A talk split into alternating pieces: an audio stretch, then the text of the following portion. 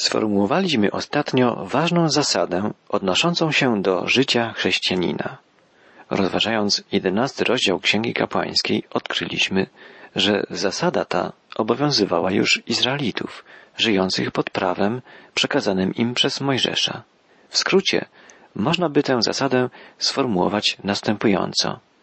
Przy zetknięciu się tego, co uświęcone przez Boga z czymś nieczystym, nie następuje automatyczne uświęcenie brudu, ale zanieczyszczenie tego, co uświęcone. W naszych chrześcijańskich realiach oznacza to, że będąc oczyszczonymi, uświęconymi zbawienną krwią Chrystusa, mamy unikać grzechu, mamy być oddzieleni od rzeczy, spraw czy sytuacji, w których moglibyśmy ulec zbrudzeniu grzechem. Nie powinniśmy na przykład uczestniczyć w napadzie na bank, albo w hulaszczej pijatyce, w obmawianiu i oplotkowywaniu innych, w oglądaniu filmów pornograficznych i tym podobne. Niektórzy chrześcijanie uważają, że aby dotrzeć do grzeszących jawnie osób, trzeba zniżyć się do ich poziomu, zejść do ich świata. Jednak wtedy zawsze bardzo prawdopodobne jest to, że my ulegniemy grzechowi. Jest to bardziej prawdopodobne niż to, że wpłyniemy w takiej sytuacji na zmianę postępowania tej osoby. Tylko Jezus miał taką moc, że przy zetknięciu się z trędowatym, z prostytutką czy z obłudnikiem pozostawał czysty i doprowadzał najczęściej do nawrócenia się tych osób. My, z naszą niedoskonałą, grzeszną naturą, nie jesteśmy w stanie postępować w ten sposób. Czytamy w liście Judy, mamy wyrywać innych ze szponów grzechu, mając sami odrazę nawet do szaty skalanej przez ciało.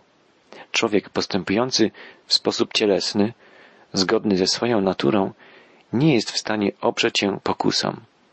Dlatego cytowany tekst z listu Judy mówi również Dla drugich miejcie litość połączoną z obawą.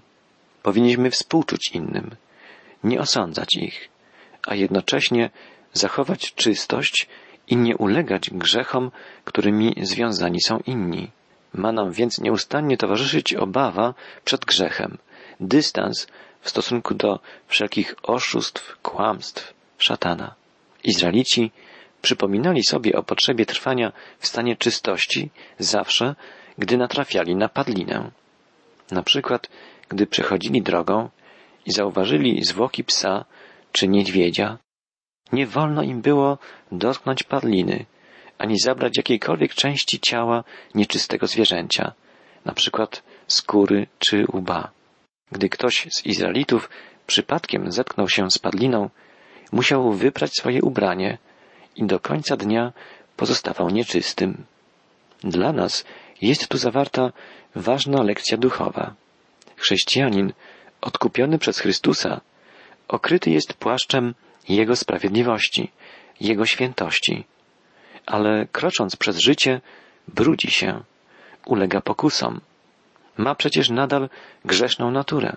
Potrzebuje stale oczyszczania i uświęcania dokonywanego przez Chrystusa. Całkowicie uwolnieni od obecności grzechu będziemy wtedy, gdy powróci nasz Pan, Jezus Chrystus. Zostaniemy wtedy przemienieni, będziemy tacy jak On, doskonali. Dopełni się wtedy dzieło naszego uświęcenia. Czytamy o tym w listach apostoła Pawła do Tesaloniczan. W Księdze Kapłańskiej natomiast czytamy w dalszym fragmencie rozdziału jedenastego o tym, że spośród małych zwierząt, które poruszają się na ziemi, następujące są nieczyste. Kret, mysz, wszelkie gatunki jaszczurek, gekko, żółw, salamandra, skolopendra i kameleon. Te są nieczyste dla was spośród małych zwierząt, które poruszają się na ziemi. Każdy, kto dotknie się ich padliny, będzie nieczysty aż do wieczora. Mowa jest tu o małych zwierzętach żyjących na ziemi lub pod ziemią. Zetknięcie się z ich padliną wywołuje takie same skutki jak w przypadku dużych zwierząt. Kontakt ze zwłokami myszy jest tak samo szkodliwy jak kontakt z padliną słonia. Odnosząc tę zasadę do rzeczywistości duchowej, uczymy się tutaj, że z Bożego punktu widzenia nie ma grzechów małych i wielkich. Każdy grzech powoduje nieczystość naszego serca. Grzechy nazywane przez nas małymi są grzechami i musimy ich unikać, tak samo jak tych, które uważamy za wielkie. Czytamy dalej od wiersza 32 w 11 rozdziale Księgi Kapłańskiej, że jeżeli które z tych zwierząt nieżywe upadnie na coś, to ta rzecz będzie nieczysta, niezależnie od tego, czy to będzie naczynie drewniane, czy ubranie, czy skóra, czy worek, czy jakiekolwiek narzędzie pracy. Obmyją je wodą i pozostanie nieczyste aż do wieczora. Potem będzie czyste. Jeżeli któreś z tych zwierząt wpadnie do naczynia glinianego, to wszystko, co jest wewnątrz naczynia, będzie nieczyste, a naczynie rozbijecie. Każdy pokarm, który się spożywa, do którego dostanie się woda z tego naczynia, będzie nieczysty. Każdy napój, który bywa używany do picia w jakimkolwiek naczyniu, będzie nieczysty. Na cokolwiek upadnie takie zwierzę nieżywe, będzie nieczyste. Piecyk albo piekarnik ma być zniszczony. One są nieczyste i będą nieczyste dla was. Tylko źródła i cysterny, to jest zbiorniki wody, pozostają czyste, ale ten, kto dotknie się w nich padliny, będzie nieczysty. Wchodzimy więc teraz jak gdyby do kuchni. W kraju o takim klimacie jak w Izraelu, na pewno częściej niż u nas zdarzały się przypadki, że mysz czy jaszczurka wchodziły do kuchni i tam, na przykład uwięzione w jakimś naczyniu, umierały. W takich przypadkach wszystko, co znajdowało się w naczyniu, było uznane za nieczyste, a naczynie musiało być dokładnie wymyte i pozostawione do wieczora, albo w przypadku naczyń glinianych rozbite i wyrzucone. Bóg uczy tu swój lud zachowywania czystości w trakcie przygotowywania pokarmów. Uczy ich również zasad czystości rytualnej, odnoszącej się do spraw ducha. W prawie mojżeszowym czystość była bardzo blisko świętości.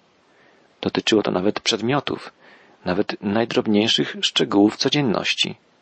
Bóg strzeże swój lud przed nieczystością.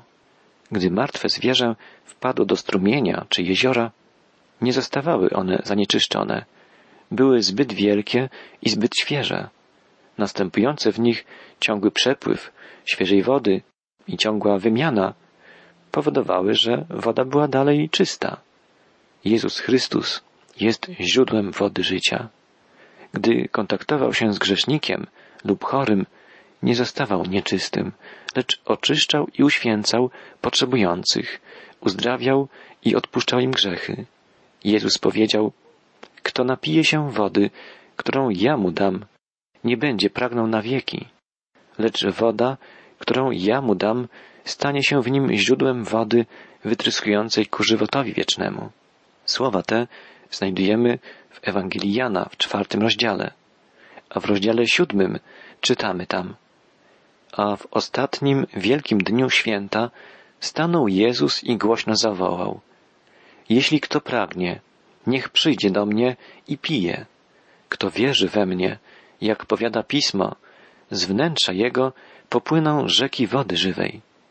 Dalej czytamy w księdze kapłańskiej. Jeżeli taka padlina upadnie na ziarno przeznaczone do siewu, to ziarno pozostanie czyste. Ale jeżeli ziarno jest mokre i taka padlina upadnie na nie, to jest ono dla was nieczyste. Suche ziarno, przygotowane do siewu, nie może zostać zanieczyszczone przez padlinę. Jednak gdyby było mokre, skorupka ziarenka, stanowiąca rodzaj zbroi ochronnej, mogłaby zostać zniszczona, a wtedy całe ziarno uległoby zepsuciu. Boże dziecko powinno nosić na sobie duchową zbroję, o której mowa w liście do Efezjan, gdzie apostoł Paweł wzywa przywdziejcie całą zbroję Bożą, abyście mogli ostać się przed zasadzkami diabelskimi. Jeżeli zdechnie jedno ze zwierząt, czytamy dalej, które wam służą za pokarm, i ktoś dotknie się tej padliny, będzie nieczysty aż do wieczora. Jeżeli kto zje coś z takiej padliny, to wypierze ubranie i będzie nieczysty aż do wieczora. Także i ten, kto nosi taką padlinę, wypierze ubranie i będzie nieczysty aż do wieczora. Tutaj mowa jest o kontakcie z padliną zwierząt czystych. Każde ze zwierząt czystych, umierając z powodu choroby czy wypadku, stawało się nieczyste. Postępowanie w takich przypadkach było więc podobne do opisanego już wcześniej. Pamiętamy, że Bóg zabronił składania w ofierze zwierząt kalekich lub chorych. Musiały to być okazy najzdrowsze, najbardziej dorodne. Również od nas Bóg oczekuje tego, co najlepsze, naszych talentów, zdolności, naszych serc i umysłów. Wszelkie małe zwierzęta, czytamy dalej, które pełzają po ziemi, są obrzydliwością. Nie wolno ich jeść. Cokolwiek pełza na brzuchu, cokolwiek chodzi na czterech nogach i cokolwiek ma wiele nóg spośród małych zwierząt pełzających po ziemi, nie będzie przez was jedzone, bo to jest obrzydliwość. Nie plugawcie siebie samych przez jedzenie wszelkich małych zwierząt pełzających. Nie zanieczyszczajcie się przez nie, przez to stalibyście się nieczystymi. Wszelkie małe zwierzęta pełzające po ziemi były uznawane za nieczyste. Ktokolwiek by je jadł, stałby się nieczystym. Bóg wyjaśnia dlaczego. Ponieważ ja jestem Pan, Bóg wasz, uświęćcie się. Bądźcie świętymi, ponieważ ja jestem święty. Nie będziecie się plugawić małymi zwierzętami, które pełzają po ziemi, bo ja jestem Pan, który wyprowadził was z ziemi egipskiej, abym był waszym Bogiem. Bądźcie więc świętymi, bo ja jestem święty. Wszystkie zwierzęta pełzające były nieczyste. Przypominały bowiem upadek człowieka, człowieka zwiedzionego przez diabła, ukrytego pod postacią węża. Wąż od tej pory pełzał po brzuchu, a człowiek ponosi konsekwencje nieposłuszeństwa wobec Boga. Od momentu upadku człowiek ma nieczystą, grzeszną naturę. Aby móc zbliżyć się do świętego Boga, człowiek musi zostać oczyszczony krwią Bożego Syna, Jezusa Chrystusa. W końcowych wierszach jedenastego rozdziału Księgi Kapłańskiej czytamy To jest prawo dotyczące zwierząt, ptaków i wszelkich istot żyjących, które poruszają się w wodzie i wszelkich stworzeń pełzających po ziemi, abyście rozróżniali między tym, co nieczyste, a tym, co czyste, między zwierzętami jadalnymi, a tymi, których jeść nie wolno. Na zakończenie przepisów odnoszących się do spożywania pokarmów zwierzęcych, Bóg jak gdyby podsumowywuje ustalone przez siebie prawo. Podkreśla, że to On wyznacza linię podziału między tym, co czyste, a tym, co nieczyste. Czystość w małych rzeczach jest fundamentem świętości w rzeczach wielkich.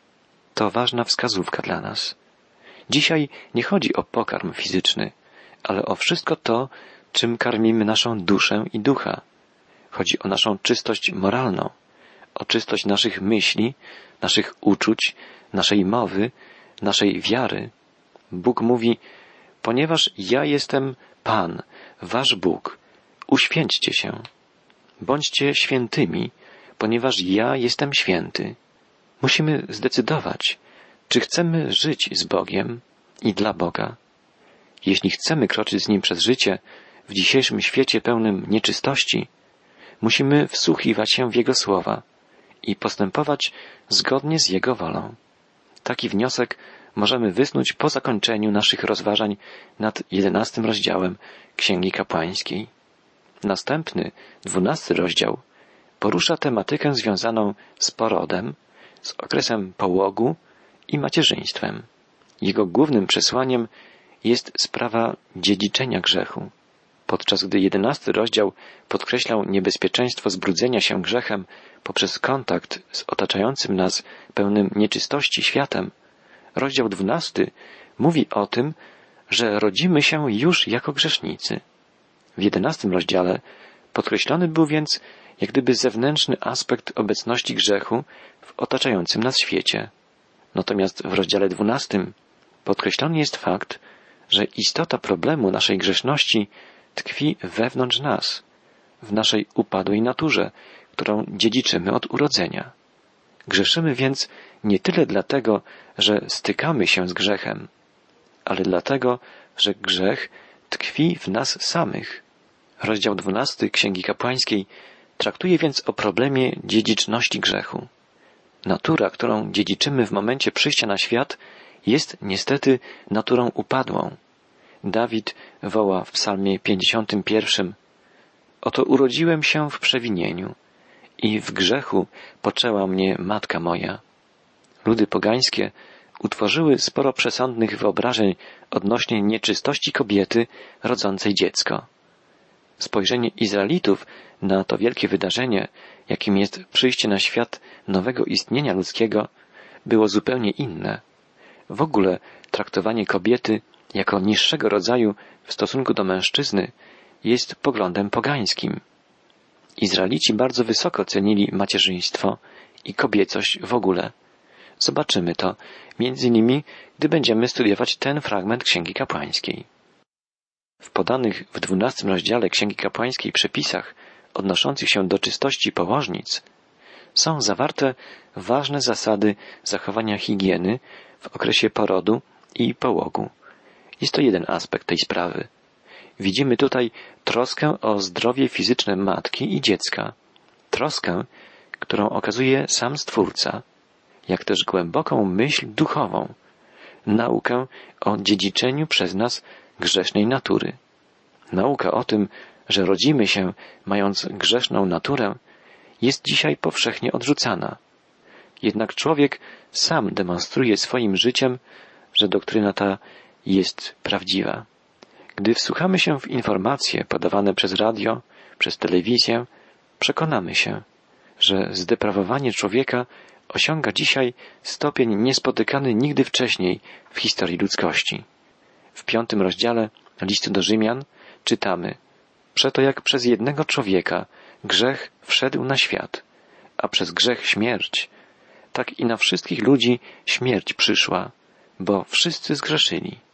Świat kreuje obraz młodej matki i słodkiego niemowlęcia, trwających w atmosferze niewinności, dobroci i harmonii. Obraz wyrysowany przez Boga w Jego słowie, w Księdze Kapłańskiej, jest inny. Tutaj także jest młoda, szczęśliwa matka i jej ukochane dziecko, ale nie ma tutaj wzmianek o niewinności, o bezgrzeszności. Dlaczego? Bo na świat przyszedł nowy człowiek, będący grzesznikiem. Nie mogło stać się inaczej, skoro jego matka jest grzeszną, jego ojciec także jest grzesznikiem. Dr Kellogg pisze w swojej książce poświęconej księdze kapłańskiej, że w chwili, gdy rodzi się dziecko, objawia się w największym stopniu przekleństwo, jakie spoczęło na rodzaju ludzkim po upadku w grzech Adama i Ewy. Wspaniała zdolność kobiety do wydania na świat nowego istnienia ludzkiego, zaplanowana przez Twórcę jako wzniosła i chwalebna cecha kobiecości, została jak gdyby naznaczona rysą, pęknięciem. Kobieta rodzi grzesznika. Pamiętamy, że Bóg powiedział do pierwszej kobiety, pomnożę dolegliwości brzemienności Twojej. W bólach będziesz rodziła dzieci. Ból kobiety nie będzie miał jedynie wymiaru fizycznego. Matka będzie cierpiała również dlatego, iż wie, że rodzi grzesznika. Drogi słuchaczu, jest to jedna z najpoważniejszych i najsmutniejszych konsekwencji upadku pierwszych ludzi. Wszyscy rodzimy się jako grzesznicy.